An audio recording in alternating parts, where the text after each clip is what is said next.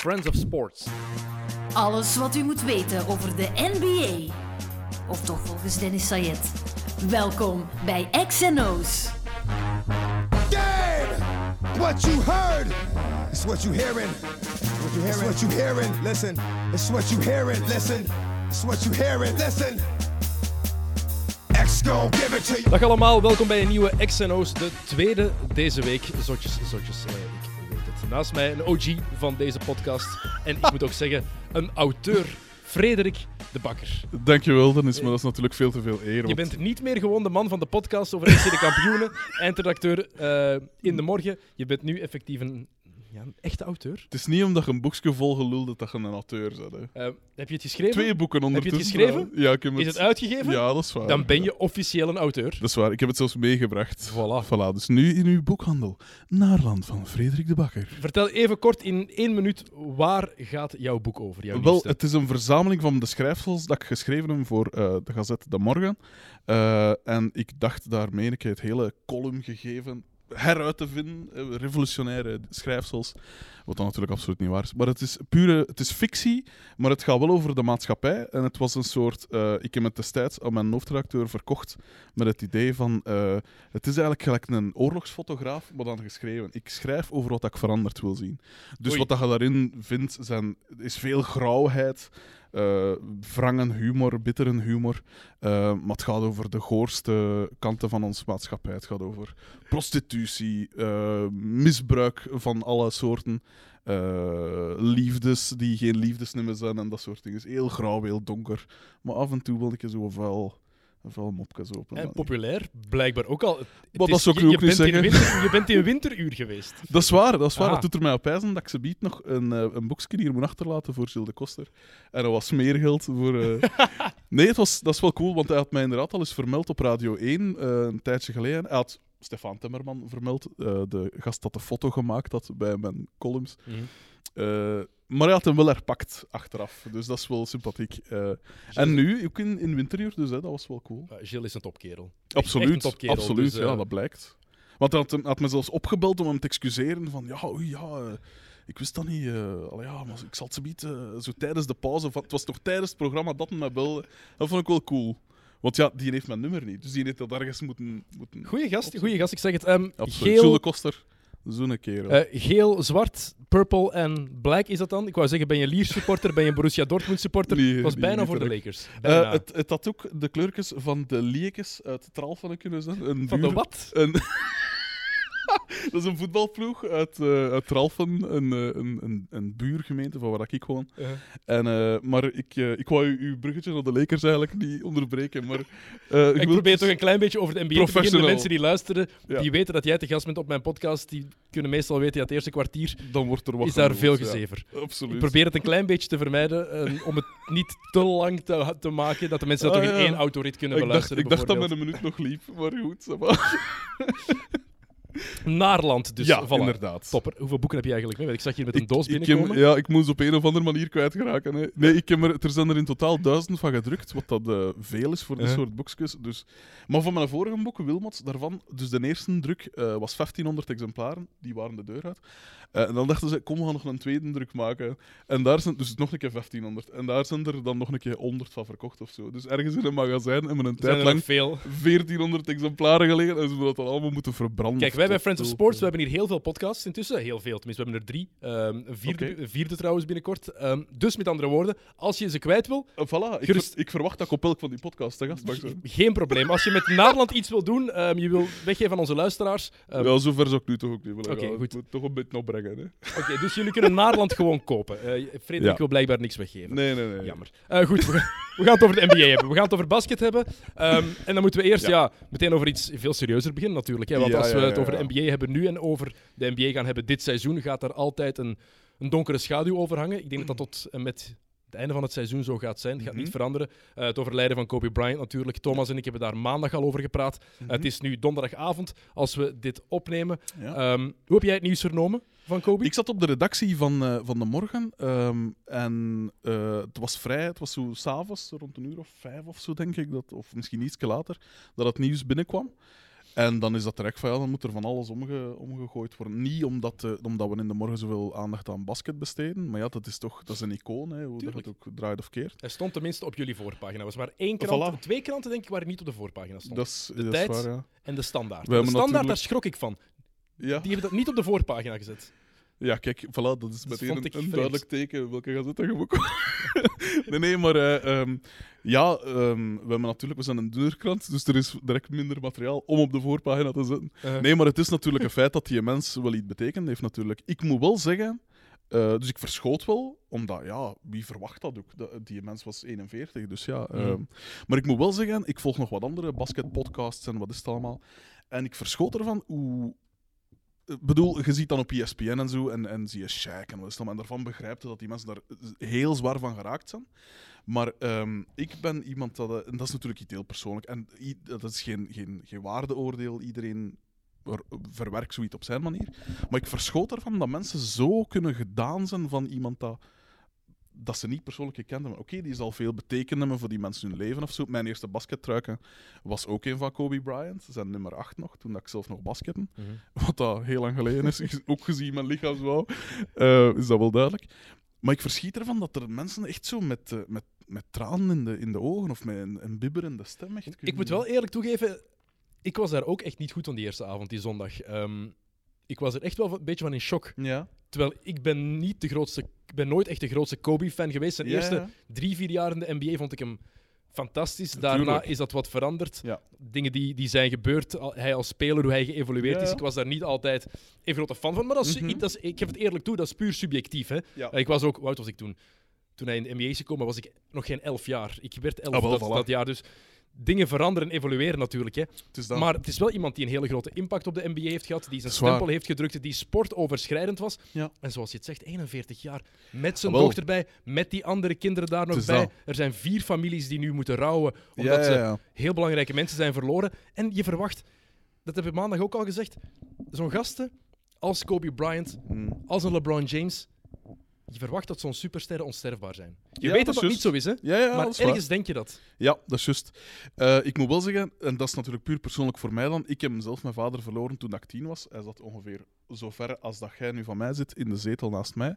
En hij was 42. En eh, dat is iets. eh, ik bedoel, als je zoiets meemaakt, dan, dan kun je eigenlijk nimmer al te zeer geraakt worden Vind je door dat? iemand dat zo... Allee, voor mij persoonlijk is Want dat. ik, mijn vader verloren toen ik 15 was. Hij, Oh. was, hij was 43. Ah, wel, voilà. maar heeft, dus ik snap, Kijk, ik wij- snap het gevoel helemaal. Ja, ja. Maar voor mij kwam dat net wel extra aan, omdat ik mij daarin kon, kon vinden en kon bedenken van Ah, ja, wat, is dat wat zo? de Ja. oudste dochter van Kobe nu Ah, bijvoorbeeld wel, meemaakt. dat Zij is natuurlijk 17 wel. jaar. Ja, ja, dat wel. Die jongeren, drie jaar en zeven maanden, die, daar zit ik dan ook Tuurlijk. heel hard mee in. Die gaan hun vader nooit kennen. Ja, voilà. Nooit. Voor die, me- voor die, voor die ik mensen begrijp ik vreselijk. het absoluut. Hè. Maar niet voor, ik zeg het, voor als je dan zo nou, zelf een basketpodcast hebt of zoiets, omdat je die ja, jarenlang wil behandelen hebt als, als onderwerp van hetgeen dat je doet. Je hebt geen verdriet voor jezelf, maar ik vind dat bijvoorbeeld vreselijk als je nu denkt aan hoe, wel, ja. hoe die Vanessa ja, ja, verder moet. Dat Hoe- is zeer pijnlijk. Hoe de twee, er was nog een gezin daar, die baseballcoach, dat was daar met, ik weet- de man, eh, de man zijn naam niet meer, Mhm. een baseballcoach die ook mee in de helikopter zat, met zijn vrouw en één dochter, verongelukt. Ja. er zijn nog wel twee kinderen die thuis nu geen ouders meer hebben Ja, en ja. hun zus zijn verloren. Dat wenst er niemand toe, dat is een feit. Dus het zijn die dingen die er ook bij komen. En omdat je dan... Ik kan mij bijna niet meer herinneren dat Kobe niet in mijn leven was. Het klinkt heel belachelijk, maar Ja, die is, een constante aanwezigheid geweest. En daarom heeft dat voor mij denk ik ook nog een extra impact. Bijvoorbeeld nu, Ja, ja. als ik foto's zie verschijnen van Kobe of filmpjes, ik geloof nog altijd niet dat dat ja, ja, waar ja, is. dat begrijp ik ook wel. Dat begrijp ik ook wel. Ja, de constellatie der dingen, of de constellatie van uw leven, verandert natuurlijk wel enigszins, omdat iets wat er altijd was, val weg. Maar je snapt niet kan- dat het zo'n grote impact heeft voor mensen die hem gewoon bijvoorbeeld twee keer geïnterviewd hebben. Dan denk je van, ja, Zoiets, ja. Alle geïnterview... Ja, oké. ja. bijvoorbeeld. Het komt natuurlijk wel heel dichtbij. Maar anderzijds, ik heb ook al een aantal artiesten eh, geïnterviewd, muzikanten dan natuurlijk Mhm. wel. Maar als er daar een paar van doodvallen, allee, ja, met alle respect. Behalve die waarmee dat ik een, echt een band heb opgebouwd als vriend. Ja, dat, is- dat zijn... Allee, iedereen sterft. Zegt het ook niet veel over de impact die iemand als Kobe heeft op het spelletje en eigenlijk daarbuiten? Dat er mensen zijn ja. in Europa die zo fan waren van, van een bepaalde speler dat ze daar echt gewoon compleet kapot van zijn dat die, er- dat die, er, dat die er niet meer is. En zeker, zijn, ik denk ja. bijvoorbeeld als, als Michael Jordan binnen dit en tien jaar zou sterven, dat mensen zouden dat vreselijk vinden, maar zouden ook kunnen zeggen, oké, die is in de 60 dan, maar ja, kunnen dat natuurlijk- plaatsen, Ja, voilà. dan is dat helemaal anders. Deze gast was 41, hè? die is zijn waar. tweede leven Ja, tweede deel van zijn leven moest eigenlijk nog echt op gang komen. Absoluut, absoluut. Dat is waar, dat is pijnlijk. Ehm, vind je dat er dingen mee gedaan moeten worden? Want er zijn heel veel initiatieven Ja, nu om ja, Kobe te inderdaad. herdenken. Ehm, er wordt ergens gezegd het logo al veranderen. Eh, er wordt gezegd dat alle nummers 24 uit de roulatie moeten worden Hmm. genomen bij alle teams. Wat vind jij dat er daarvan eh, moet gebeuren? Ik vond die actie van de 24 seconden en zo, was de, cool, de shotklok en zo, dat was de max. Dat is een heel origineel en, en goed gevonden en zonder, eh, je toont duidelijk je, uw medeleven zonder al te veel, eh, zonder al te drastisch te worden. Mhm.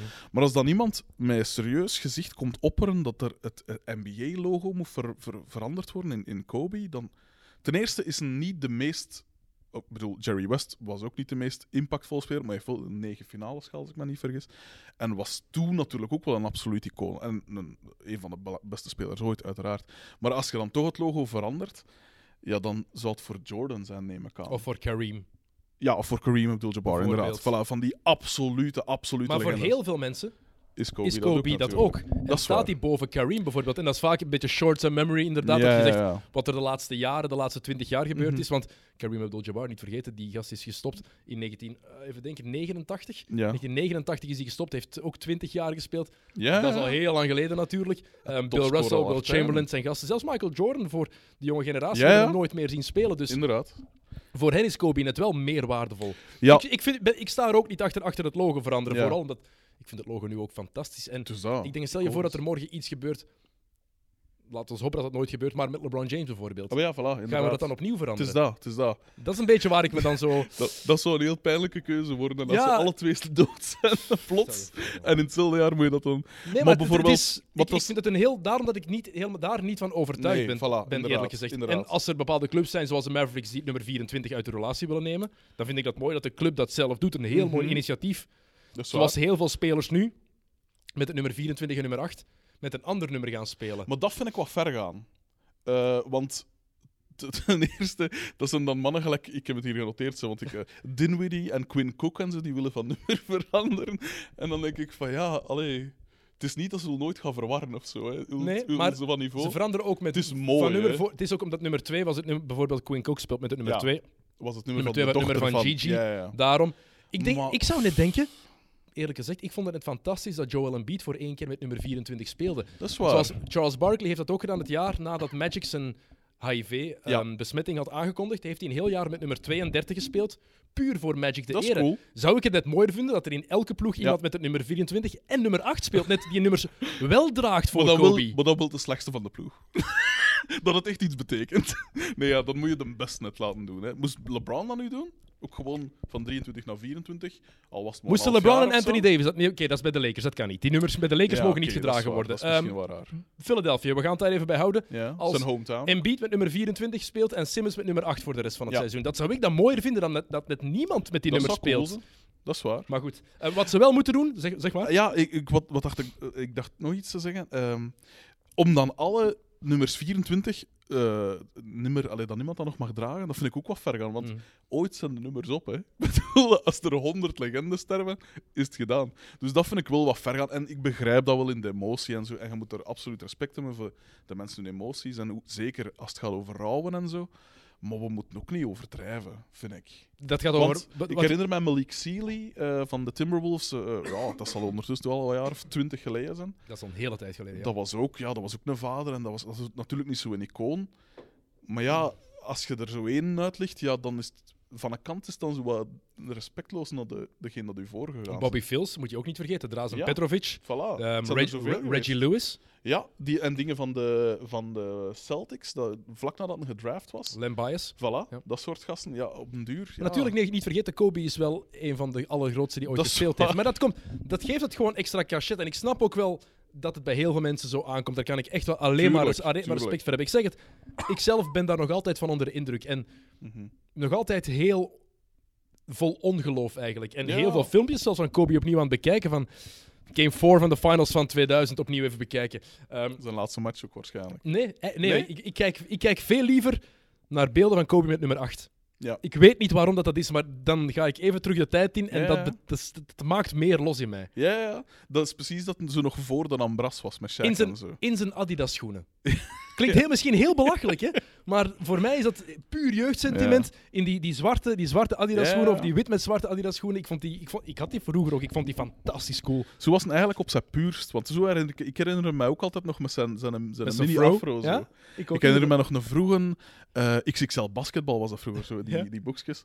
En daar stond iets, of het was zelfs een FIBA, denk ik. Dat er zo van achter stond er zo iets met zo de grote belofte Kobe Bryant. Zo. Het was ergens in, in Italië dat ze Mm. dat me geïnterviewd hadden.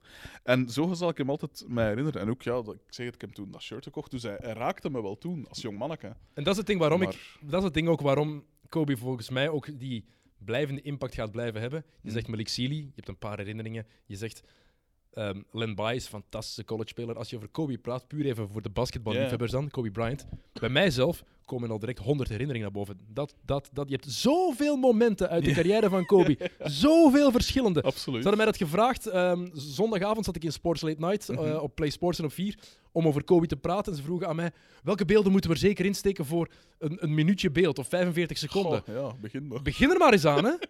Ehm, ja. Moet een beeld van hem met Shaquille O'Neal liefst hebben. Dus tegen Portland, die alley-oop graag. Ja. Ook een beeld hebben dat hij de titel wint tegen, tegen de Celtics. Moet daar zeker, in. De Zeker. 81 punten misschien daar ook ja, nog in. Ja, zeker. Olympische eh, finale 2008 heeft hij helemaal alleen beslist. Moet daar ook nog in. En dan denk je, oké, het zijn vijf dingen. Een paar van zijn minuut. top plays. Je Ja. bent meteen aan vijf minuten. Dat is belachelijk. Misschien ook een beeld met Jordan, als Ja. zijn de dingen. Ja, ja. All-Star Game 98, je kan zo verder blijven doorgaan. Het is, het is waanzinnig. Ik vraag me soms af wat dat er nog gebeurt, hoe, hoe, dat tegenwoordig met Eddie Jones zou zijn. Want die komt uit een tijd dat hij zo wat nek aan nek, dat Jones zelfs eigenlijk startte en dat Bryant in het aller, allereerste begin van de bank kwam, dacht Ja, ik ja, zelfs. Kobe is All-Star, was All-Star starter in 1998 toen Ja. hij van de bank kwam. Eddie Jones startte met Nick Van Exel. En die waren toen ook All-Star. Ik kwam van de bank in het All-Star Game. Inderdaad, En daarom, speciaal. Jerry West heeft Eddie Jones getrade naar Miami. Ja. Zodat, omdat hij zag, Kobe moet starten. Ja, inderdaad. Kobe is te goed, die moet starten. Ja. Oké, maar daar hoorden ze nooit niks meer van, van Eddie Jones. Nee. Wel Ehm. Eén ding dat ze wel moeten doen, want we gaan niet de hele tijd over Kobe praten. We hebben dat maandag gedaan, Thomas Ja. en ik. Ehm, ik vind dat ze in het All-Star Game ja, ene ploeg nummer Dat zou 24, cool zijn. andere allemaal nummer 8. Dat zou is cool zijn. de gem- gemakkelijkste om te doen. dat is waar, absoluut. En ook weer een mooie eerbetoon. Gemakkelijk en, en heel mooi en duidelijk. Simpel, Voilà, clean. Voilà, goed. We gaan het over het All-Star Game hebben, daarom Oké. zit je hier. Ehm, absoluut. de starters die zijn al bekendgemaakt. Ik heb aan Frederik gevraagd om ook zijn 24 namen te noteren. Heb jij de starters gewoon gerespecteerd die gekozen zijn, of heb je ze zelf Ah, wel, ik dacht, ja, de starters zijn bekend, dus we zullen voor de, voor de reserves gaan. hè. Oké, ik heb het anders aangepakt. Ik heb de starters opnieuw ingevuld. Uh, Trey Young start in de Eastern Conference. Ja. No way that in hell dat dat, echt, dat dat terecht is. Hè? No way in hell. Ja, laten we dat meteen even duidelijk stellen. Dat, is- dat zijn de jongeren, hè. Dat is, die gast is populair. Hè. Die gast is populair. Die gast speelt bij een ploeg die dit jaar al... Houd jij daar rekening mee? Met Tuurlijk, hoe slecht 12 dat, matchen gewonnen. Enkel de Warriors zijn slechter. Oké. Ga je Marquise Chris ook in het All-Star Game zetten of zo? Nee, sorry, kom. Trey Young heeft een hele grote impact op zijn ploeg. De Zwaar, ja. perce- de- zijn ploeg kan echt... Die cijfers zijn waanzinnig hoe slecht Mhm. zijn ploeg is als hij op de bank zit. Tuurlijk. Maar ik vind ook dat hij zijn ploeg nog niet Goed niveau tilde. genoeg maakt om te starten. Reserve, dat is iets anders. Ehm, Daar goed, zit het in, absoluut. jij houdt je dus bij de starters die er zijn. Eh, ja, we gaan, als jij de we gaan beginnen met de Eastern wilt- Conference. Ehm, ik, heb maar, ik heb daar twee dingen veranderd. Ja, Ik heb Trey Young eruit gehaald ja, en Kyle Lowry in de basis gezet. ja oké. Toronto speelt een fantastisch seizoen. Ehm 33 en 14 nu. Tweede in de Eastern Conference, terwijl ze hun beste spelers zijn kwijtgeraakt. Ja. Ehm Lowry is daar een grote reden Dat is voor. inderdaad wel straf. Maar ik heb Siakam wel op de bank gezet. Ah ja? All-Star, omdat ik vind dat Jimmy Butler verdient om, Ah ja. om, om te starten. Hoe zit is, hij is geweldig voor de Heat. hij is gewoon 27 en 6. Mijn, mijn relatie met Jimmy Butler is heel dubbel. Omdat, van een kant vind ik dat de max, dat, dat is zo één dat hem echt naar boven gewerkt heeft. Hè. Ook eh, vrij laat gedraft. Ik Dertigste. zelfs- Echt voilà. als dertigste. En eh, dakloos geweest en zo. Dus echt zo, ik heb het, ik heb, eh, mensen die mij al kennen van vorige afleveringen, dat zullen er niet te veel zijn, dat zich mij herinneren, ehm, die weten dat ik het heb voor werkers, hè, voor, voor, voor, voor, ja, pitbulls en zo. Hè. De, de, de, de Detroit Bad Boys mentaliteit. Dan is Jimmy Butler perfect voor jou. Voilà, dat is inderdaad. Dus dat vind ik de max. Van de andere kant is dat ook wel een dat soms een beetje, een, een beetje ik moet een beetje op mijn talen, dat hij soms een beetje te ver gaat in zijn. Hij is een beetje te hevig Oké, soms. maar dit seizoen, Mm. daar baseren we ons op. De Dat is vorige jaren maken eigenlijk niet uit. En Jimmy Butler belichaamt wat Miami Ja, als ploeg wil dat zijn. is wel waar. Dat is en wel hij is ook waar. de reden dat Miami dit jaar gewoon een van de contenders is in de Eastern Conference. Dat is absoluut waar. Niet Absoluut. de enige reden, maar hij is wel de leider van die ploeg en de beste speler van dat team. Dat is juist. Eh, geen plaats voor eh Adebayo dan? Of, Op de eh, bank wel. Ik- ah, ja. Eerst mijn starters even. Dus mijn starters dus bij mij Kemba Walker, Kyle Lowry, Giannis Antetokounmpo, Jimmy Butler en Joel Embiid. Dat zijn mijn vijf starters. zeggen, ja. Ja, Ehm, de twee die er niet bij zijn, ik zal het meteen even dan Ja, ja, zeggen. Pascal Siakam, Mhm. standaard dat hij erin zit in het team. Want de evolutie die hij de laatste Ja. drie jaar heeft gemaakt, is gewoon belachelijk. dat is, nee, maar dat is... Dat is juist, inderdaad. Ik herinner me dat hij een, eh, plots op mijn NBA 2K stond. En dat ik dacht van ja, oké, v- v- eh, exotisch. een, ik weet niet van welk land dat precies is, maar ja, een, een absoluut Afrikaan, absoluut. Eh, en dat is altijd zo wat dubbel, hè. Eh, want ik herinner me gasten gelijk Manoud Bol en wat is het allemaal. En dan... maar ja, nee, je kunt zeggen Hakim Olajuwon is dan weer zo het volledig anderuiterste. Zo de, de absolute top.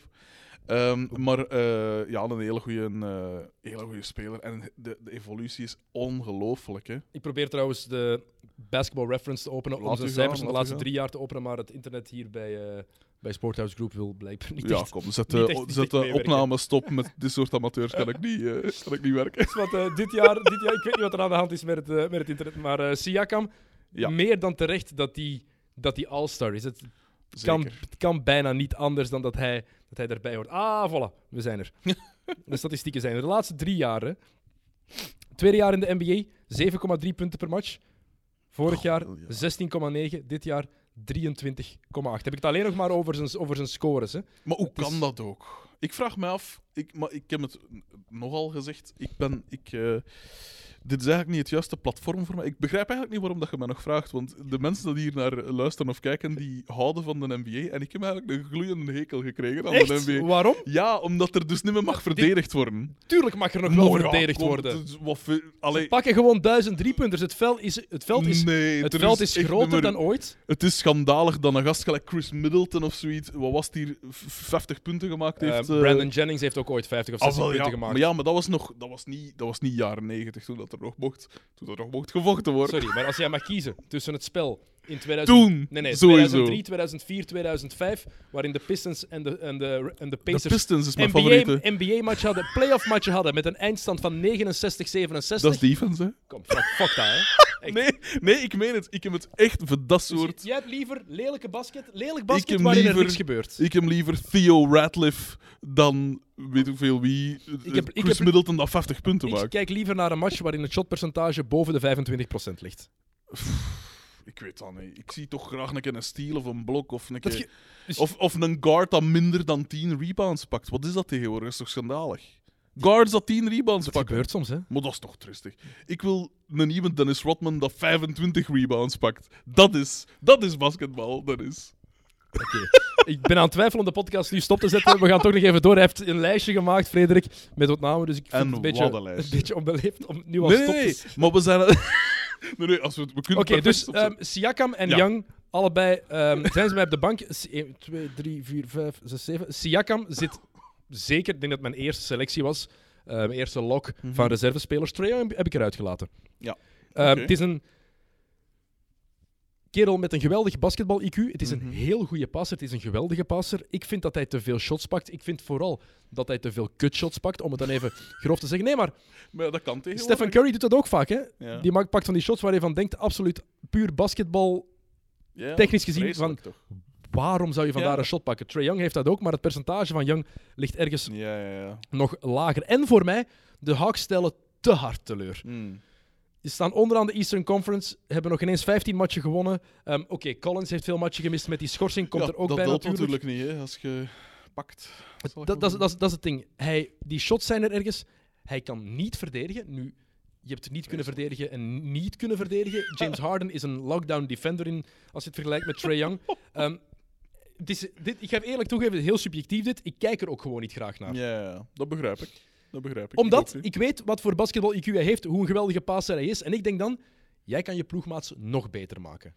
Als je hem ziet. Omdat je weet dat het erin zit. Dat is waar, maar anderzijds kunnen we dat verlangen van een rookie, dat een direct zijn... Tweede jaar, absoluut. Of ja, een- een samen hetzelfde, in hetzelfde jaar gedraft als Luka Doncic. Ja, ik kan dat verwachten.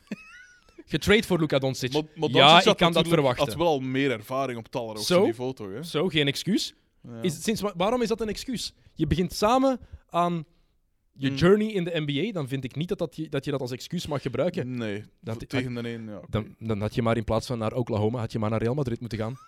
Bijvoorbeeld. Heel kort door de bocht, ik weet het, hè. Zwaar, zwaar. Maar er het zit is, iets in. het is iemand, het is op het randje net geen all-star, hè. Dus het is een fantastische speler. Mhm. Maar voor mij zijn er net iets te veel minpunten voor mij om Ja, hem erin te zetten. Want dit is, ik probeer het objectief te bekijken, de, de cijfers. Maar ergens komt daar natuurlijk ook bij wat jij meer waardevol vindt hè, Mhm. in dit geval. En daarom winnen, weet- ik- voor mij telt ook. Ik weet wel niet van buiten hoeveel assists dat een per match heeft. Ik weet dat 29 punten per match heeft. Even dubbel checken. We gaan even dubbel checken hoe eh ja, assists hij gemiddeld heeft. Ik heb niet alle cijfers natuurlijk. eh, je moet zien of dat internet het toelaat ja, natuurlijk. ja, het is, terug, het is terug aangezwengeld. 29 punten per wedstrijd, 9 assists per match. Ah, wel, maar dan kun je wel ook de vraag stellen, wat kun je nog meer doen? Ik begrijp wat dat je zegt, hè. Ploeg maar dat zijn 109 wel- punten per match scoort. Ja, maar het gaat, Dat Dat- fenomenale maar het gaat niet wel, altijd over assists. Dat is, het, dat is, het, dat is mijn punt Ja, je eigenlijk. kunt met- beter verdedigen, dat is waar. Ja, nee, nee, als ik het over die passing heb, ja. niet elke pass moet een assist zijn. Nee, dat is ook waar. Dat is waar. Dat is absoluut waar. En daar verkijken veel mensen soms wel op als ze dit zien. En ik misschien ook nu in dit geval. Ehm, maar anderzijds, ja, het is moeilijk. Hij is, Want- wel, hij is wel al beter dan ik had gedacht toen hij gedraft werd. Veel beter. Ja? Ja, absoluut. Ik, ik, ik, kan, ik kan, kon dan moeilijk eh, inschatten, want ik volg het college basketbal absoluut niet. Dus ik wist niet. eh, Maar ge- eh, het is natuurlijk wel. Het is wel spijtig voor die jongen ook dat een ganse leven gaat herinnerd worden aan, aan de, de draft kwestie met Doncic. That's natuurlijk. life, hè. zo zit het nu eenmaal. Dat is Hè. Zijn, zoveel, er zijn zoveel trades geweest. Penny Hardaway voor Chris Webber is ook een trade geweest op draft day. Absoluut. Vince Carter voor Anton Jameson ook. Eh, je kan veel dingen terughalen die er Ja, ja, die absoluut. iemand kunnen blijven achtervolgen. Eh, maar Juist. voordat Trae Young fans kwaad worden, ehm, dat ik er niet heel graag naar kijk, dat is ergens ook subjectief. Want het is een fantastische Ja, speler. het gaat niet over hoe hij speelt, zijn stijl. Het gaat meer over hoe hij in het systeem van de Hawks speelt. En Mhm. voor mij is dat te Trae Young georiënteerd. En doet hij nog niet wat dat bepaalde andere spelers die ik wel in mijn All-Star team heb. Natuurlijk, ja. Daar hij- hecht hij ik soms meer waarde Hij aan. moet ook wel werken met absolute bagger. Hè. Klopt. Dus En die schorsing van John Collins heeft hem, heel, heeft hem was- geen deugd gedaan. dat was zo debiel. Allee, in, een, in een tijd dat fysieke. Allee, je weet natuurlijk nooit wat dat erachter zit of zoiets. Misschien dat het allemaal wel Mm. eh, legit is of zo. Hè. Daar, daar spreekt men nu niet over uit. Maar in een tijd dat fysieke kracht eigenlijk minder dan ooit een rol speelt in basketbal. Want je mag eigenlijk al niks. Dat, ik kom altijd terug naar dat soort dingen. Maar je, mag me kan er al niet meer aanraken, met, bij wijze van spreken. Dan moet je toch niet dat soort dingen zitten On- pakken. je mag... ja. Het is toch waar? Nee, het is toch niet- de Malice uit de Palace? Ja, tuurlijk Het is toch niet, als chance dat het niet meer dat, het is toch niet de. Heat tegen de Knicks in de jaren 90? Ja, Dat als chance dat Dat was basket. Dat was niks tegen de Heat in de eind jaren 90. Was heel tof voor de strijd. Maar de- bekijk die matchen nog eens terug. Of de Celtics nee, nee. tegen de Bekijk Pistons die in de matchen nog eens terug. Absolute. Ik vond dat schitterend. Ja, ah, wel bekijk het nu nog eens terug. Je gaat meteen League Pass Oh, opzetten. Maar dit is toch ook niet wat dat... Allee. Maar inderdaad, waar Trae Young heeft een kakploeg rond zich. Dat komt er. Ah, wel, ja, voilà. Ja. Dus, Ik had gewoon meer van die ploeg ook verwacht. ja. En 12 overwinningen. Zwat, vind jij dat, dat, is- dat is belangrijk? altijd afrontelijk. overwinningen, vind jij dat belangrijk voor een All-Star selectie? Dat is de discussie, hè. Eh, misschien, misschien hel ik toch over naar niet, omdat de All-Star Game zo weinig voorstelt. En ook het devalueren van de centerpositie Ja. erbij en dat soort dingen. En dan de fanvotes. En, We, bespreken dit trouwens vooral omdat het mij meer gaat over geselecteerd worden voor het All-Star Mm. Game. Dat de wedstrijd zelf, buiten twee jaar geleden, dat de wedstrijd zelf al jaren niet de moeite meer is, dat weten we. Het gaat me puur over wie niet? verdient het om nu een All-Star te zijn. Ja, absoluut. Ah, wel, ja, inderdaad. Ehm, ja, eigenlijk zou het wel moeten meespelen. Ik vind dat het voor, voor de absolute topspelers misschien meer moet meespelen dan voor een jonge speler. Of voor ja, iemand dat toevallig gedraft is bij een strontploeg. Hè. Allee, daar kan Oké. mij nu niet aan doen. Hè. Moesten bij de Lakers zitten, zou hij misschien overtuigen. Of ja, bij de Lakers misschien nu niet.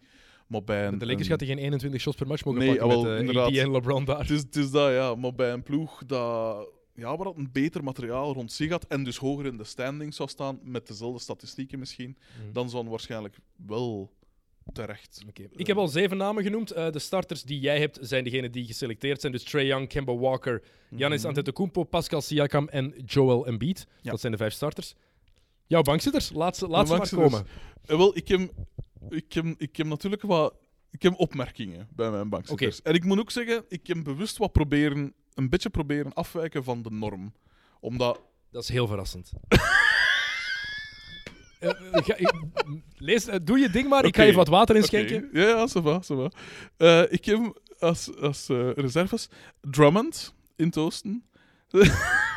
Sabonis van de Pacers. Simmons, Van Vliet.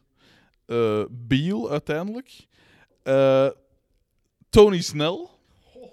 En dan heb ik een soort dat ik er eigenlijk niet om geef wie dat de zeven is. En dan liet ik dan gaan tussen Butler en Dinwiddie. Tony Snell.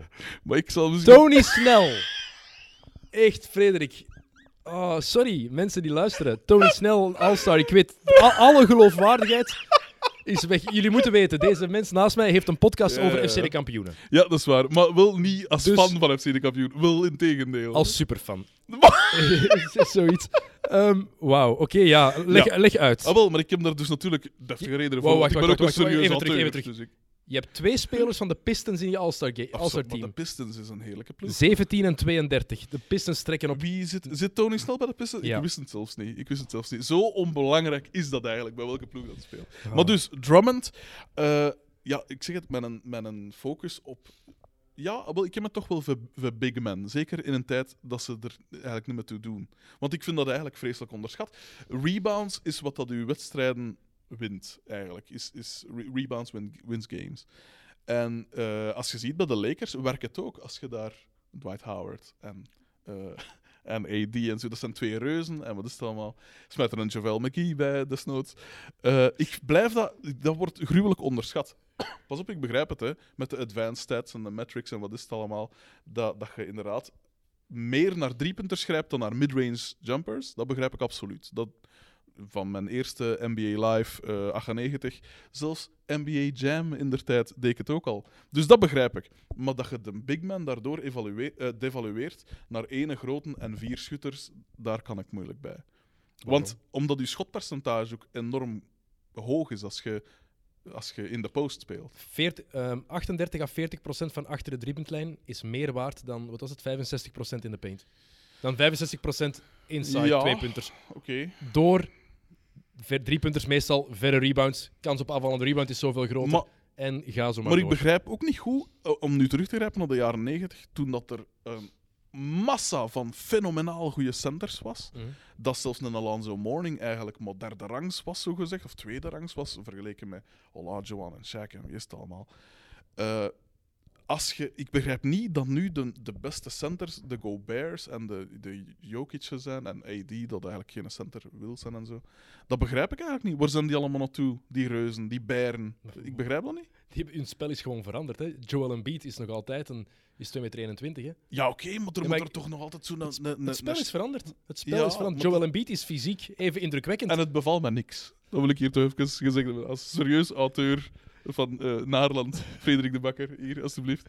Nee, eh, dus maar een speler gelijk Drummond voert mij een beetje terug naar die, naar die tijd. Het is niet mijn favoriete centers. Hè. Dus jij wilt, graag een, een, jij wilt graag terug naar een center die rebounds kan pakken en de bal erdoor kan dunken, maar geen moves heeft. Want Andre Drummond heeft letterlijk één move, denk ik. Nee, maar... dat, dat, dat je een offense, dat je iemand als Olajuwon of Ewing of Ja, ja, O'Neal, dat je dat mist, snap ik, hè? Ja, ja, ja. Alle respect voor.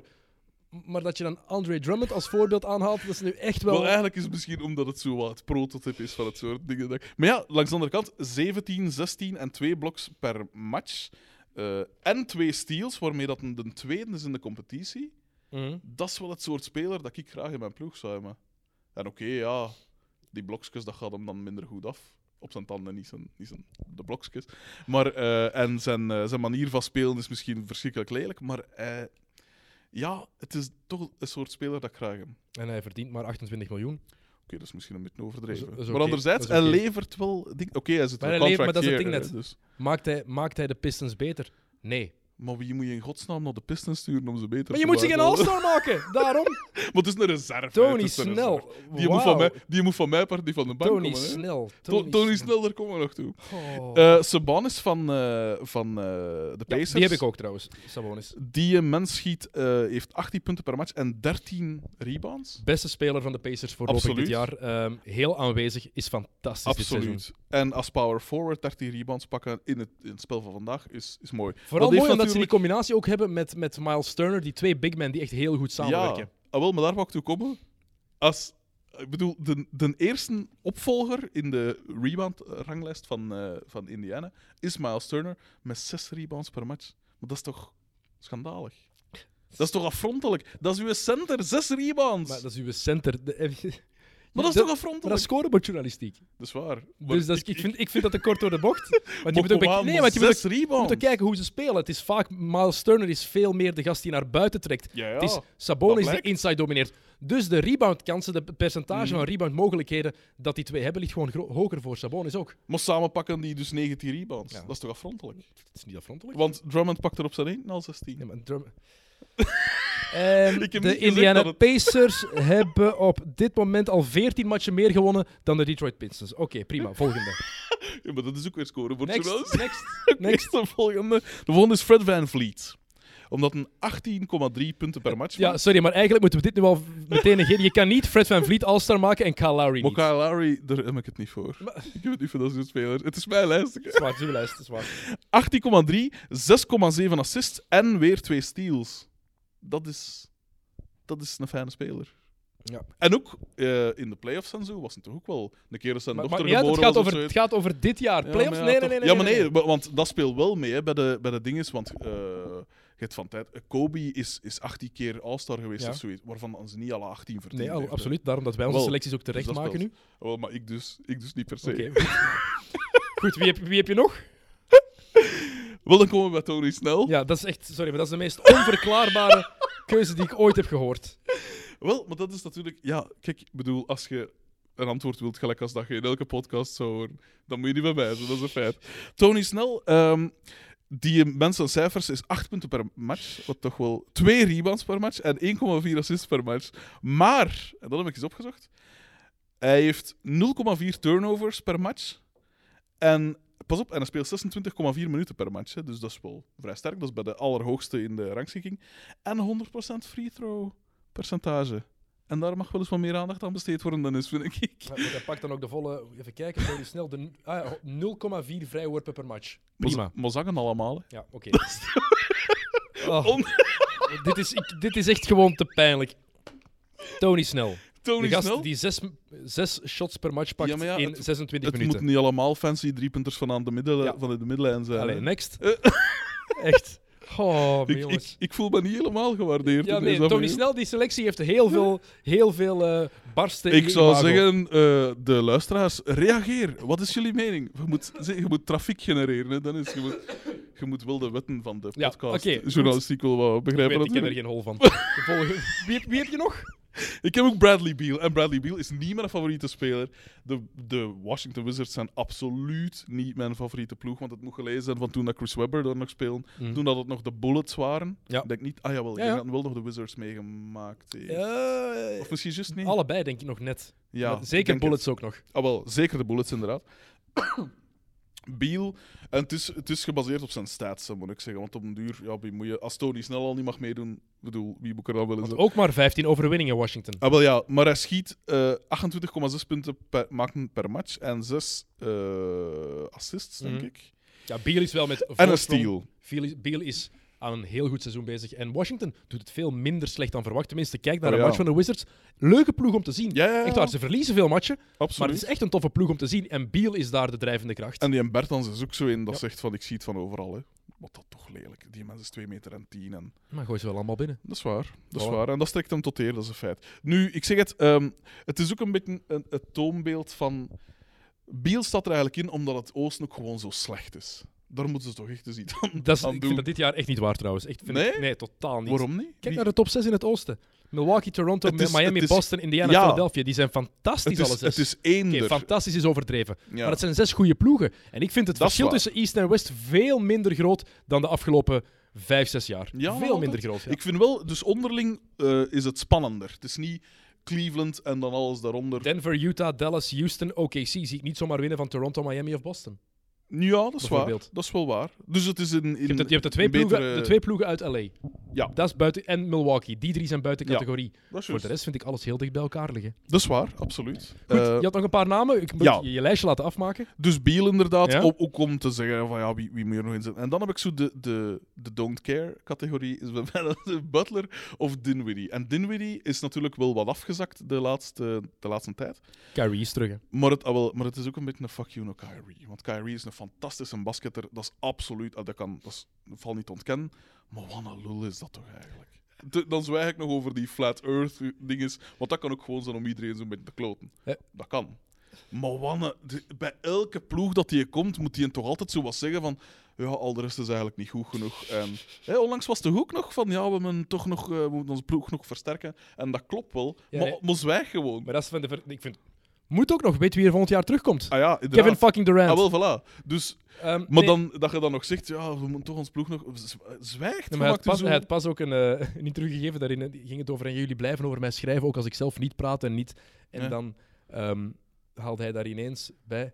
eh, Ik zie hier al ja. een foto passeren van zei hij iemand- ineens: They crucified Martin Luther King for speaking about peace and social integration.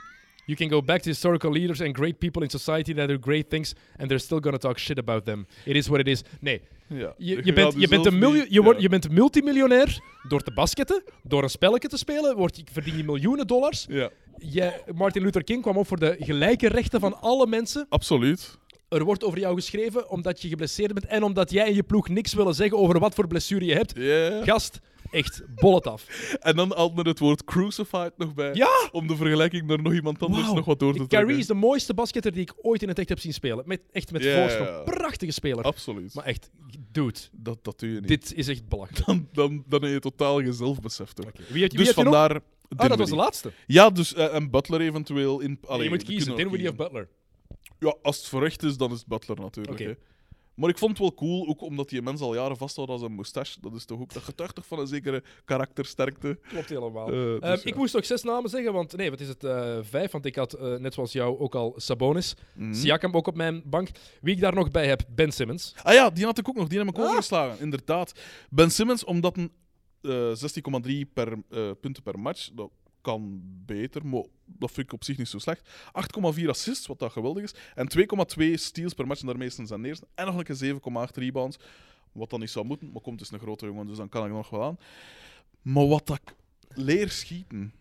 Een point guard moet toch een bal schieten? Nee, dat is niet waar. De point guard. Oh. Nee, dat is het net. Dat, Ofwel schieten helemaal niet, nee. gelijk, de, gelijk zo de echte passeurs van vroeger, of een, Ah, wel, een Rubio Wat is, wat zo. is een point guard? Of een Rondo. Wat is een point guard? Een distributeur. Een spelverdeler. Ah, wel. Ik, mij kan het ding is, Ben Simmons is een gast van 2 meter en 6, 2 meter en 8, die het spel als geen ander kan verdelen. Het zou leuk zijn, moest hij zijn shot hebben. Mhm. Vooral midrange, dat hij dat ook durft nemen. Want hij, er is nu vooral geen dreiging. Ja, En in de playoffs gaat hij dat zuur opbreken. tuurlijk. Maar Simmons is wel een gigantische impact op de ploeg. Ik denk gewoon dat de combinatie met Embiid niet werkt. Want Ja. zet Simmons in een ander soort ploeg en Dat het verandert helemaal. Alles hangt af van hoe je hem gebruikt. En ik denk dat Brad Brown gewoon... Nee, ik denk dat niet. Brad Brown gebruikt hem gewoon niet goed genoeg. Mhm. Maar het is iemand die nog altijd enorm veel potentieel heeft. Hij is een Zeker. fantastische atleet en defensief is het een beest. Ja, Leidt de league in steals, leidt de league in ehm, loose balls recovered. Er is niemand die zoveel naar loose balls duikt als Ben Simmons. Vind ik een geweldige statistiek. Tweede in deflections. Mhm. En het ding is ook, het is iemand die overal is in defense. En Ja. die inzet die daar voor hem is, die effort die er in zijn spel is. ehm, hij, voor, mij, voor mij is dat een all-star eh, in het Ah, oosten. wel. en dan vind ik zijn impact op het spel groter bijvoorbeeld dan, Dan snel, Trae dan Young heeft. Dan, Ah, ja, dan. Trae Young heeft die ik eruit gelaten heb. Ja, zeggen. Want dan gaan mensen zeggen, hoe kan je nu Trae Young erin la- eh, eruit laten en Ben Simmons erin zetten? Ja, ik vind dat Ben Simmons Ja. een grotere impact heeft. Absoluut. Maar als we dan toch, als we het hebben over iemand gelijk Antetokounmpo of iemand gelijk Siakam, dat, in, dat elk jaar met rassenschreden vooruit gegaan zijn, Ben Simmons is niet vooruit gegaan. En dat... Dan zijn je Nog niet. Dan zijn je supertalent, dan zijn je een groot talent, maar geen... Dan ga je volgens mij niet de grootste worden. Het ding is, je weet wat je aan Ben Simmons hebt. Dat is het. Dat ben wel. Simmons is nu al ergens wat hij waarschijnlijk altijd Mhm. gaat zijn. En gaat daar niet veel Ja. meer bij En doen. dat zal, dan zijn je een, superster, eh, een, een ster, maar geen superster. Eh, mijn andere namen even overlopen. Ja. Sabonis had ik ook zoals jou. Mhm. Ehm, Chris Middleton. Beste ploeg Toch, in... eh, ja. absoluut. Milwaukee is 41 en 6. Maar ja, maar dat is dan vanuit de logica, het is de beste ploeg, dus ze moeten er een Nee, paar nee, totaal niet. Want Ah, ik vind de impact die Middleton op die ploeg heeft ook groot. Groter dan hij vorig seizoen had eigenlijk Mhm. bij Milwaukee. Ehm, toen was hij ook All-Star. Nu impact is groter, is bijna, is bijna 50, 40, 90. 50% Ja. field goals, 40% driepunters, 90% vrijworplijn. Middleton is een heel belangrijke factor voor die ploeg en is de op één na beste speler na in- bij Mhm. Milwaukee. Er altijd bij. Ehm, wie heb ik dan nog? Bam Adebayo, Mhm. All-Star. Ehm, jij praat over Drummond. Ja, sorry, maar dit is een explosievere Andre Drummond. Maar iemand die ook nog eens de bal over Ja, kan brengen. die minder, verdeelt voor, die verdeelt voor zijn ploeg. En die defensief. Iedereen is bang om de paint in te gaan als Adebayo daar staat. En dat zie je ook aan, eh, aan die cijfers. Mhm. Het ding is, je moet echt naar zijn matje kijken om te weten wat hij waard is. Als je Ja, de ja. statistieken bij kijkt, dan denk je, waarom dat. is dat een All-Star? Nee, kijk naar de matchen van Miami en dan besef je, oh, ja, dat is een All-Star. En Miami, Absoluut. 32 en 15, nummer 3 in eh, de Eastern Conference eh, vandaag. Nog erbij, ehm, Jason Tatum. Toch? Ik vond dat Ja? absoluut. Ik was aan het twijfelen, Jalen Brown of Jason Tatum. Eén van die twee altijd All-Star. Ja. Ik vind Jason Tatum zijn impact nog net iets groter. Mhm. Ehm, maar als je voor Jalen Brown had gekozen, is het even goed voor mij. Ja, Dus dat is echt, dat zijn dat splitting hairs. En dan de laatste, Malcolm Brogdon. Tweede man van Ah Indiana. ik vind ja. Indiana de verrassing van dit seizoen. Ik vind winnen wel ergens ook belangrijk dat je je ploeg echt beter maakt. Mhm. Kan niet altijd, maar ik vind dat ergens dat het wel beloond mag worden eh, met een All-Star selectie. En zonder Oladipo heeft Brogdon geen aanpassingstijd nodig gehad. En we weten het, Sabonis is de beste speler dit seizoen. Mhm. Maar het is Brogdon die Indiana een identiteit heeft gegeven. Dat is waar. En voor mij is dat veel waard. Ja, ik, ik weet niet of dat de luisteraars het al door hebben, maar uw kijk op basketbal is duidelijk veel beter dan de mijne. Ik hou nog van het spelletje. Oh. Oké, Western Conference. Dat Ja. gaat sneller gaan, want de vijf starters die gekozen zijn, zijn ook de vijf die denk ik iedereen op zijn lijstje heeft. Ehm, Mhm. James Harden, Luka Doncic, eh, LeBron James, Anthony Davis, Kawhi Leonard. En toch blijf ik het spijtig vinden, man. Een Harden is... voor- Ik, vind dat zo'n vreselijke speler. Maar wie ga je... je Ja, ob- je kunt er niet aan objectief, voorbij, Ik ja. kijk niet graag naar Houston. Ik kijk echt niet graag naar de. Houston Rockets. Ik snap dat. En ik denk dat, het, dat bijna iedereen dat wel... Nee, dat, dat kan niet dat iedereen dat heeft. Want dat is, dat is belachelijk als je zo redeneert. Maar ik denk dat heel veel basketballiefhebbers, dat hoor je, hoor je ook, Ja. niet heel graag kijken naar hoe Houston speelt als ploeg. Vreselijk. Ik vind dat een heel lelijke ploeg om te zien. Maar dat staat los van het feit dat je de greatness in de klasse van Harden niet kan ontkennen. Hij Het is- doet het maar, ja. Wat een geweldige speler is dat. En defensief Dat is hij minder slecht dan hij, de, dan hij vorig seizoen was. Ja, Ja. Dat is belangrijk om te vermelden. En inside oh is hij zelfs heel degelijk als verdediger. Maar offensief, is de, kon monster. niet, offensief is de monster. Dat is waar. Waanzinnig. Dat is waar. Ze zeggen altijd best een 1 op 1 speler, of 1 tegen 1 speler, denken ze dat er zal zijn. Hè? Ja, Kevin Durant. Ah, wel, ja. Kevin Durant is 2 Al was meter, is hoogte. 2 meter 14 en die kan heeft dan van die uitrekbare armen. Niemand kan Kevin Durant stoppen. Dat is waar. Dus echt ben ik heilig van Dat overtuigd. is waar. Nog zo'n vreselijke speler. Maar dat is dan vooral zijn karakter. Zijn karakter ik. Ja, oké. Oh, Goed, ehm Doncic. Ah, wel, maar die, die, hij en Kyrie hebben elkaar echt wel gevonden. Ik verschiet er echt niet van dat die samen spelen. Of samen wouden spelen. Eh, Luka Doncic, geen twijfel over. Een van de smaakmakers dit Zalig. seizoen. Ehm je hoort op de Bill Simmons podcast, vond ik wel leuk. Ehm, hoeveel spelers eh, hadden er in hun tweede seizoen 25 punten, 5 rebounds, 5 assists? Of wie waren dat? 25 punten, 5 rebounds en 5 assists in, het tweede tweede in de seizoen. NBA. Ehm, zijn er niet veel. nee. eh Bird? Nope. Luca is er één van. Nog drie andere spelers. Ik zou denken LeBron dan. LeBron is er één van. En pff, eh, Oscar Robertson. Oscar. Robertson is Ja. er inderdaad nog één van. En wie was nog zo multidimensionaal? We hebben het er al even over gehad. Wat er al even- Tony Snell? Nee, eh, nee, geen idee, zeg maar. Jerry West. Ah ja. Onderschat Jerry West niet. Tweede jaar, Ja, 25, 5 en 5. Eh, LeBron James, moeten we geen tekening bij maken. De beste speler van de Ja. beste ploeg in de Western Conference. Eh, ook interessant, dankjewel Bill Simmons. Spelers met 20 punten per match in jaar 17. LeBron James, Kobe Bryant, Kareem Abdul-Jabbar, Karl Malone. Schoon Dat is het, dat is Ja, het. Niet meer, dat is het. Wauw. Mooi rijtje, Eh, inderdaad. Anthony Davis. ja, dat is ook geen eh, uitleg terecht, nodig. uiteraard. Kawhi Leonard heeft al wat matchen gemist door load management, daarom getwijfeld. Maar Kawhi is zo goed. Heeft zo'n impact op de Clippers. Ja. Moet daarbij zijn. Ehm, Oké, goed. Reservespelers. Ah ja, zal ik beginnen? Ja, wie zijn jouw locks? Wie zit er daar, moet er daar zeker in? Maar ja, het is weer gelijk, het is gelijk vorige, vorige lijstje. Hè. Ik zal ze misschien eerst eens op, gewoon allemaal opnoemen. Hassan Whiteside. ik wist het. Ik wist het. Ehm, Damian Lillard, Emma Kok, eh, Drew Holiday, Capella, eh, Ingram, Nerlens Noel. Oh, come on. Echt, je, doet het er echt om, hè? En, Oh. en dan, ja, zo de, de kies maar een van, de, van het lijstje is eh, Booker, Mitchell, DeRozan of Jokic. En dat zullen waarschijnlijk bij u, die zullen er waarschijnlijk in De staan. Rosen zit er niet in. Oké, maar de rest waarschijnlijk wel. Bon, de, re- de redenering is, is natuurlijk... wel, kijk, dus... ehm, in, in, dus Whiteside, hè. Oké, ik, zal, ik zal eerst de statistieken van een andere speler opnoemen. Eh, Rudy Gobert speelt 34,4 minuten per match. Kan je niet vergelijken. Ja, maar ja. Nee. 15,7 punten per match. Eh, ja, nee. Ja, punten per match. 14,5 rebounds per match. 2 blocks. En een PER van 22,96. Nu, Mhm. die, dat, je gaat dat allemaal niet onthouden, waarschijnlijk, tegen dat ik de ander genoemd heb. Maar Whiteside, 30,7 minuten per match, dus ongeveer 3 minuten minder. 15,6 punten per match, slechts 0,1 minder. 14 rebounds, slechts 0,5 minder. 3 blocks, waarmee dat nummer 1 is in de competitie, versus 2 blocks. En een PER van 24,69, waarmee dat een achtste is in de competitie. Oké, Whiteside is een lul. Is ook zo een dat ofwel totaal geen moeite doet, ofwel... Hassan dus White- een stat, een stat eh, Hassan zo. Whiteside, dat is nu eens echt het type voorbeeld van empty stats. Dat is waar. Empty stats. Die, alles wat je net opgenoemd hebt, heeft nu eens echt 0,0 waarde. Heeft geen impact op het spel van Portland. Maakt de Blazers niet beter, alleen maar slechter. Portland 21 Ja, en vind je 27. absoluut. slechter er vanaf? 21 en 27 Portland. Utah is 32 en 15. En Gobert is Ja, daar ja. misschien wel de belangrijkste speler. Ehm, Maar ligt dat aan hem, of ligt dat aan de rest van de Gobert ploeg? is de beste speler van Utah. Ja, maar Utah Gobert heeft is een de betere... beste speler van de Jazz. De Ja, beste. Maar, maar de Jazz heeft betere spelers naast hun sterren. Naast Donovan Damian Mitchell Lillard, en... eh, CJ McCollum. Ja, en daar stopt het toch ongeveer. Ja, en wie zijn de scorers bij Utah dan? Maar Donovan Mitchell, ja, natuurlijk. Donovan Mitchell. Dingskes. Je- je- dat je Eh, Whiteside voor mij... In- Je vergelijkt, je, je vergelijkt Whiteside met een tweevoudig Defensive Player of the Year. Een gast die kan switchen op een guard en dan toch nog kan recupereren als hij geklopt wordt. Hassan Whiteside, als die op een guard geswitcht wordt... Jij bent daar in één stap voorbij, Frederik. Excuseer, in wil, één er- wil, er dat ik... Dat jij niet snel genoeg bent normaal om voorbij Rudy Gobert te geraken. Dat zeg ik inderdaad.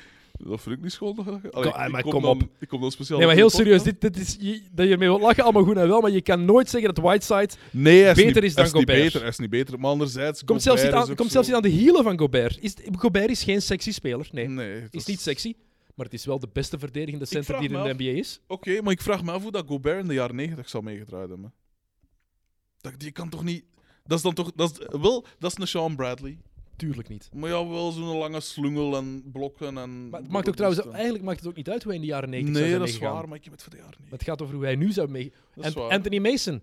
Hoe zou die in deze periode Heerlijk. zou die van de bank komen? Maar ja, wel, dat is een Draymond Green, hè.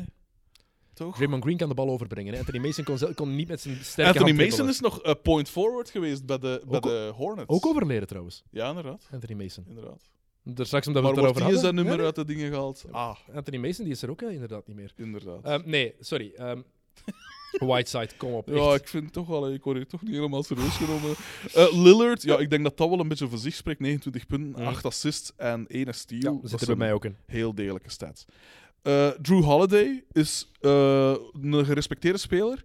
Ehm, dus daar, daar op zich niet van. Op zich is dat niet echt een verrassing. Natuurlijk, hij zal het waarschijnlijk wel niet halen, omdat er wel beter zijn. Maar ik wil toch even belichten dat die gast toch 20 punten per match maakt.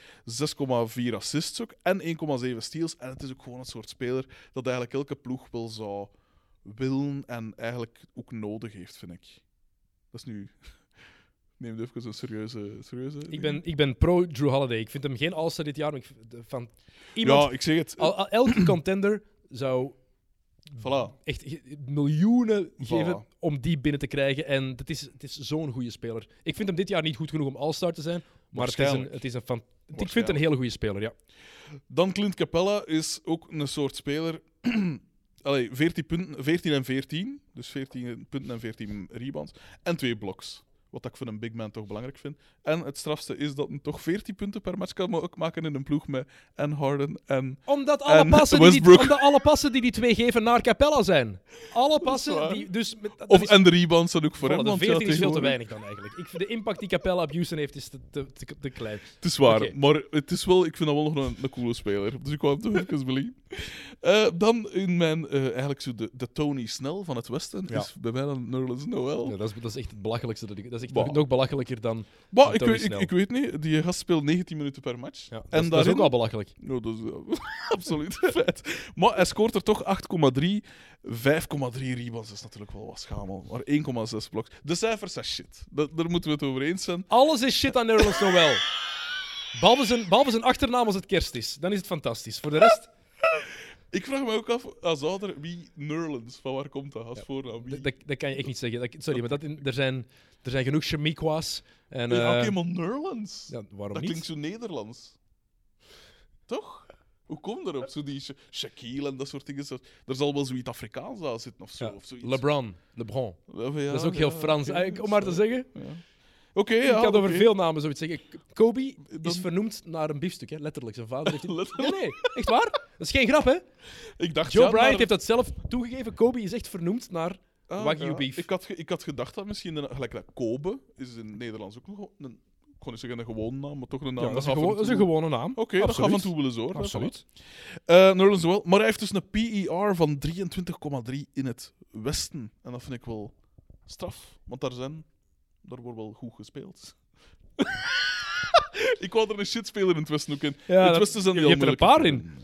Je hebt Whiteside en Daar Noel. ben ik het niet helemaal Hallo. mee. En dan heb je Ingram. eh, wat dat... eh, die maakt wel kans om het, om, eh, om het te halen. Ja, terecht. 25 punten per match, 6,3 eh, rebounds en 4,3 assists. De stap die hij gezet Omgekeerd. heeft, staat ook in mijn ploeg, Ingram, de stap die hij gezet heeft is indrukwekkend. Voilà. En een paar jaar geleden, ehm, paar jaar geleden, het einde Mm. van vorig seizoen, was ik er heilig van overtuigd. Ehm, zoals Jalen Rose het vaak zegt, he's okay, but he's not real. Ja. Hij is wel goed, maar ja, ja, niet goed genoeg. Ehm, en nu blijkt gewoon wat KOC al langer zegt, dat Ingram de beste, beter is dan Ben Simmons.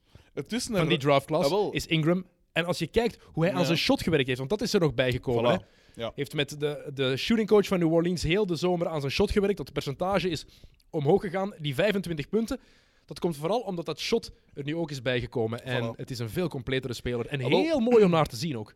Het, het, het werd er altijd van gezegd, hè, van ja, dat is zo'n nieuwe... Een nieuwe eh, Durant, om- omdat hij lang en smal is. Oh, maar ja, dat is een slechte vergelijking. slechte vergelijking. Maar eh, bij de Lakers kwam het er niet zo helemaal uit, vond ik. Eh, een beetje wat dat... Kuzma heeft dat ook wel... Nee. Weet ik het, daar weet ik Ehm, het nog altijd In- niet goed van. Ingram, Kuzma is gewoon de meest overschatte speler die in de Ja, NBA Ah, rondloopt. wel. Maar op zich, op een gegeven moment was hij wel heel veel belovend en zo, en dan toch weer wat weggezakt. En, Maar allee, Ingram heeft wel- zoveel meer potentieel. Voilà. En nu blijkt dat dus ook, hè, dat eh, ja, hij krijgt dan zijn kans, eh, mede door de blessure van Zion. Maar dan nog, hij grijpt en hij is effectief de beste speler van de Voilà. Pelicans. Dus dan, eh, dat is al mijn tweede Pelican trouwens op het, Mhm, op. En, en dan heb ik nog mijn, mijn don't care spelers. Booker, Mitchell, DeRozan en Jokic. Ja, Als je dan toch compleet wilt zijn met je lijst, dan moet je de Rosen erin zetten, die het ook absoluut niet verdient. Inderdaad. Je je beloont echt de verliezende ploeg. hè. Echt, dat is echt niet normaal. Frederik heeft een compleet andere aanpak als ik. Oké, eh, mijn backups. Ja. Ehm Nikola Jokic, Mhm. natuurlijk. De, Terecht. de Denver Nuggets. Nummer drie op dit moment in de Western Conference. Hij is daar de bepalende speler, is de spelverdeler. Maar Is de, is de point guard van deze ploeg. Maar dat is ook zo lelijk. Dat vind ik... oh, Dat is fantastisch. Een center als point. Dat is Oh, fantastisch. verschrikkelijk. Een beetje een chubby, grote center over de middenlijn Oh ja, zien gaan. nu en dan met zijn, met zijn geweldige passing. Er is, ik heb nog nooit Ja, ja, een center gezien die zo'n passing heeft als, Maar eh, als de, Nikola de Jokic. oudste bonus misschien? Was wel bekend van zijn die, die ging vanuit de paint. Ja, tuurlijk wel. Maar die deed het vanuit de paint. Of als hij zijn, zijn shotje kreeg aan top of the key. Ja. Jokic brengt de bal echt over de middenlijn. Maar dat is de gast, dat is fantastisch. Maar dat is toch lelijk? Heerlijk. Heerlijk. Ehm, Rudy Gobert moet erin. Sorry, Utah verdient dat gewoon 32 en 15 ook. Beste verdediger. Eh, beste verdedigende center. Misschien wel beste verdediger in de hele NBA. Ja, oké. Ehm, wie komt dan nog bij bij mij? Damian Lillard Mhm. van de Portland Trailblazers. Zoals jij die er ook in had. Ik weet het, Portland maar 21 en 27. Maar Lillard is een absolute superster. En speelt opnieuw dit jaar als een superster. Oh, Dus nu mag het wel. Eh, Portland is 21 en 27, geen 12 en 30. Hè. Oké, dat is waar. Dat is een heel groot verschil. En wacht, want ik denk dat iedereen van. Want ik was aan het twijfelen ergens, Lillard Mhm. of Jamarant, want de Memphis Grizzlies Ja, ja, ja. 24 en 24. Maar de impact die Lillard heeft ook, en hoe Lillard speelt, is toch altijd voor mij nog impa- impactvoller? Nee, zeg je dat? Ja, ja. Impactvoller ja. dan wat John Morant doet. John Morant doet zeker met gezien de blessures die er bij Portland ook zijn geweest. Eh, de afwezigheden. Ze hebben een ploeg echt moeten vinden. Nog altijd het probleem met eh, Nurkic, die er nog altijd niet bij is. Eh, Lillard All-Star. Ehm, Moeten ze die uiteenhalen, volgens u? Eh, McCallum en Lillard? als iemand McConnell wil overpakken en je krijgt er iets deftigs voor terug, doen. ja, Ja, absoluut. Ik vind het een geweldige speler, maar ik denk dat er een betere combinatie elkaar, kan zijn ja. voor, voor die ploeg. Chris Paul. Ja. Oklahoma City 29 en 20 en Chris Paul is daar... Dit is vintage Chris Paul. Ja, inderdaad. En als je ooit hebt ge- gedacht van wat, waarom was Chris Paul zo populair toen hij nog bij de Hornets speelde, Ja. voor hij naar de Clippers ging, voor hij die zagende speler werd, Ja, ja, ja. die niet overeenkwam met zijn ploegmaats. En bij Houston was het ook niet helemaal... Goed, dit, dit is echt de pure Chris Paul. Absoluut. Want Paul was heel goed bij de Clippers en was zeker het eerste jaar bij Houston ook fantastisch. Absoluut. Maar dit is echt de Chris Paul die we gewend zijn. En nu is hij echt opnieuw point guard. Wat die, hoe hij die ploeg leidt, hoe hij Shea Gilgeous-Alexander beter maakt. Ik, ik vind het fantastisch om te zien. Inderdaad. Brandon Ingram zat er ook in, zoals Mhm. ik al zei. En dan mijn laatste twee keuzes, Donovan Mitchell. Altijd All-Star. Mhm. De, de scorende factor bij, bij de Utah Jazz. Zeker de laatste vijf, zes weken Ja. is Utah beter aan het worden. En Mitchell had, was de beste man bij Team USA op het WK. En heeft dat doorgetrokken zoals zoveel mannen dat doen. En laatste, Paul George. Ik weet dat hij al een hele tijd gemist Paul heeft. Een hele periode gemist heeft. Ehm, maar ik vind het belangrijk om echt winnen ook. Dat, zeker de spelers die een grote impact op dat winnen hebben. En ik vind dat Paul George dat heeft als hij bij de Clippers, als, hij, als die ploeg helemaal fit is, dat is het probleem. Hè. Ze zijn nog Mhm. nooit helemaal gezond geweest. Eh, maar ik vond het moeilijk om ofwel John Morant ofwel Jaron Jackson Jr. eruit te laten. Ehm, Jaron Jackson Jr. als All-Star. bij, bij Memphis, oh, die- ik vind, die van, ik vind het zo'n goede Maar speler. Memphis heeft ook geen platte prijs? Hoe, waar staan die? Die staan achtste. Dat is Achtste, 24 en 24. Ik had verwacht dat die 10 matches zouden Ja, winnen op dit waar, moment. Dat is waar. Ehm, Devin Booker, moeilijk om eruit te laten. Verdiende dat Ja, zeker. maar Phoenix zo goed aan het seizoen begonnen en Booker speelt zo'n goed seizoen. Maar ja, ik ben er ook geen fan van Ik wel. eigenlijk. Ah, ik zie hem graag Ja. spelen. Hij moet een beetje beter verdedigen. Maar... En dan San Antonio. Hè. Ik Maar ben in- teleurgesteld in de Spurs, maar Maar in hoeverre maakt, maakt Booker de Suns echt beter de afgelopen jaren, doorheen de jaren? Want nu zijn de het Suns... gaat, over, maar het gaat niet over het afgelopen jaar. Het gaat over nee, nee, maar jaar. ik wil maar zeggen... Ja, maar ja. Vergeleken met vorig jaar bijvoorbeeld, zijn ze, hebben, ze al, v- hebben ze nu evenveel als dat ze evenveel winst als dat ze vorig jaar op, in, in totaal hadden, als ik me niet vergis. Hm. Maar dat is volgens mij toch vooral door, door gasten gelijk Rubio en zo aan te trekken. Oké, geen En omdat Booker maar- ook extra stap gezet heeft. Ja, want zijn punten zijn toch... Je, moet, Nee, maar is niet min of meer je, bent, je bent te veel scorebordjournalist. Dat is waar. Frederik, Ik ben, ik ben mijn moeite sinds je auteur bent geworden, zijn er dingen veranderd. Ik ben mijn moeite journalist te noemen. Ik heb een diploma journalistiek en ik ben eindredacteur, maar ik ben eh, absoluut geen, geen lichte journalist. Diploma journalistiek, dat is, Dat niet dat is goud. Dat is, het, daar doe je het voor. Ah, daar doe je. Ik, ik heb dat Oh, ja, diploma ook, dus ik moet Ja. toch een beetje trots zijn. Oké, Frederik, we gaan het hier, eh, we gaan het eh, Hoe is dat, behouden. is dat gedaan? Ja, Ah, ik, moet- ik moet zelf door. Ik zou zeggen, jij meestal zeggen Ah, de gast ja. moet door, maar... Nee, Dus- ik kan nog gerust even doorpraten over, over mijn boek. Dus eh, ja, ik belangrijk nog even zeggen, vergeet het niet. Het boek Naarland ligt nu in de boekwinkel. Het is een staan- klein boekje. Ja, en er staan lovende kritieken op van onder andere... Marnix Peters, Joost van de Kastelen, Herman Brusselmans. Vooral die van Christine. Vooral Christine is de Die moeite. zegt, ik zou deze teksten zeker niet uitgeven. Wel, eh, Ah. ik zou Frederik zijn All-Star keuzes ook liever niet uitgeven. Maar het kwaad is geschied. Frederik, bedankt dat je tot hier wilde komen. Het was heel, Graag eh, heel fijn. Bedankt eh, voor het luisteren allemaal. En eh, tot de volgende keer. Ja,